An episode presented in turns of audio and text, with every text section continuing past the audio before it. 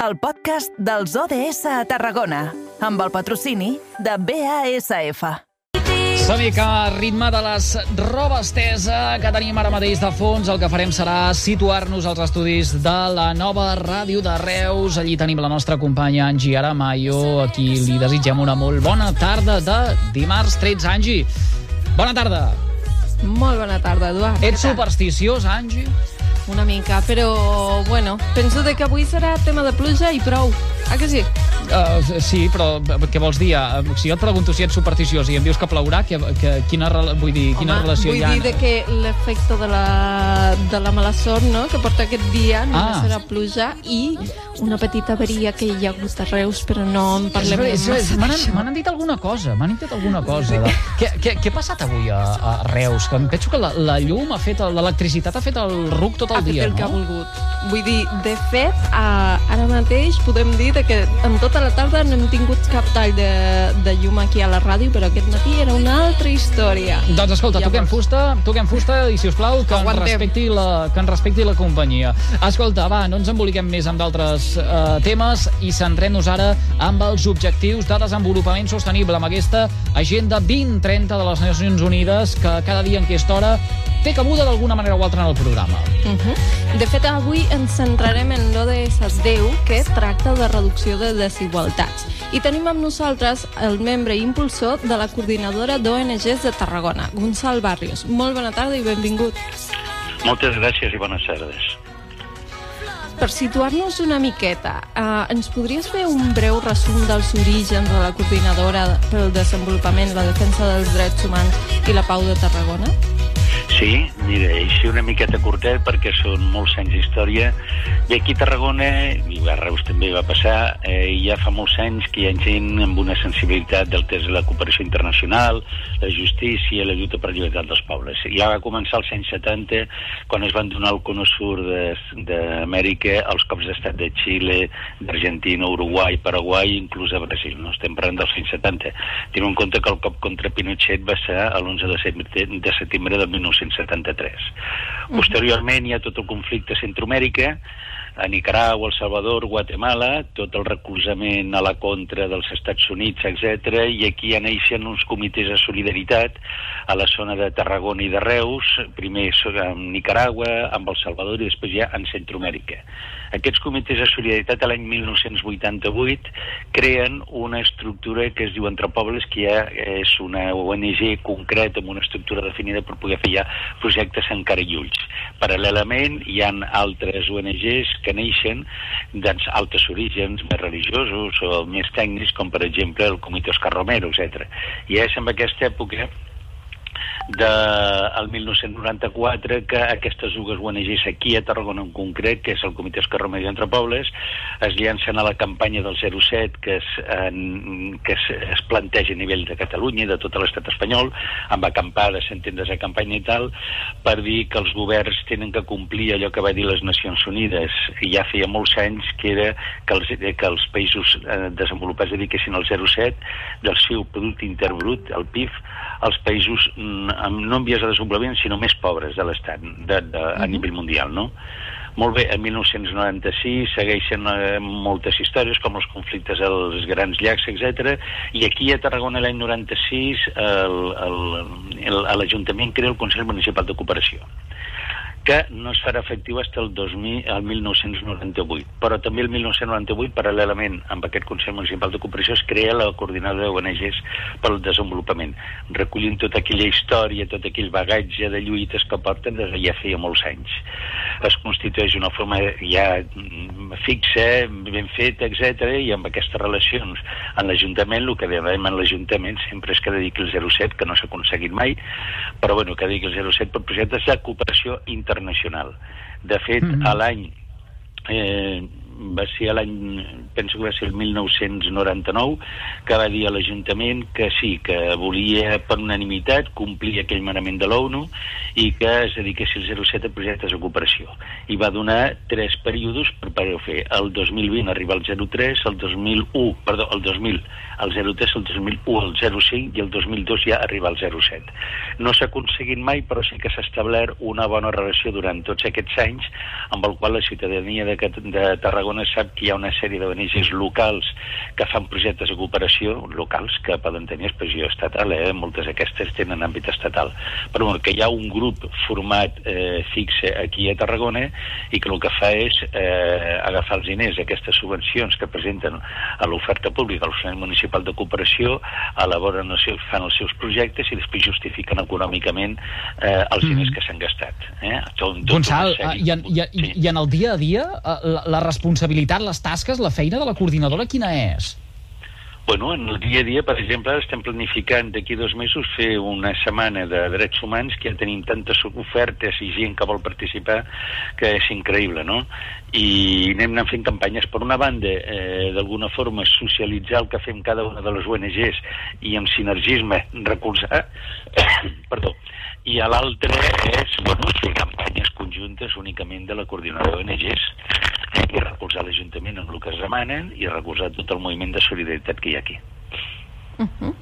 Pel que podem dir, eh, és, una, és una coordinadora amb molta història i clar, suposo que això també us dona cabuda amb molts projectes i iniciatives.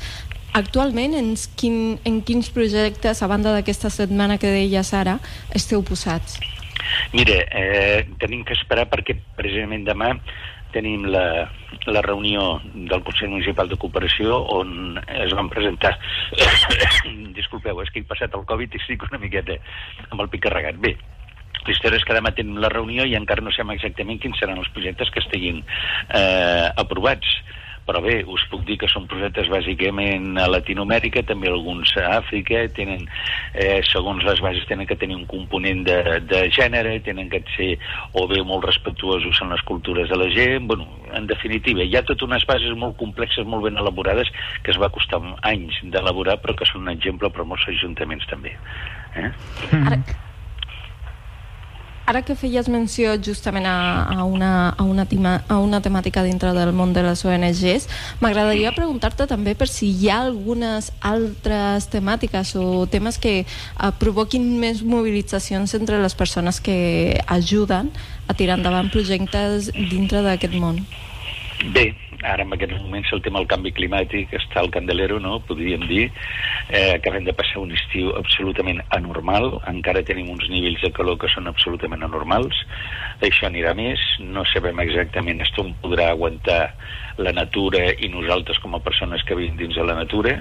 Eh, el desenvolupament, que també, ja que heu parlat abans, el CDS subjectiu de desenvolupament sostenible, és una cosa essencial a treballar, és una de les coses que estem fent més campanya, eh, en concret tot el tema de lo que és la sobirania alimentària, al final de la pobresa, eh, l'educació, eh, el, el tema d'igualtat, el tema dels recursos eh, com a l'aigua, la terra, la biodiversitat, que són la base per poder entendre el que és la sobirania alimentària, el tema de l'energia. Eh? Fixeu-se que Europa, per exemple, acaba de declarar com a energia verda l'energia nuclear, no? I el gas, bueno, són coses increïbles. Sembla que en vez d'anar cap endavant anem enrere. El que tenim són molts temes, però molts temes vitals per lo que és la vida, la justícia i la sostenibilitat de les poblacions, no? Amb tot el respecte cultural de les comunitats en les que treballem. Digue'm.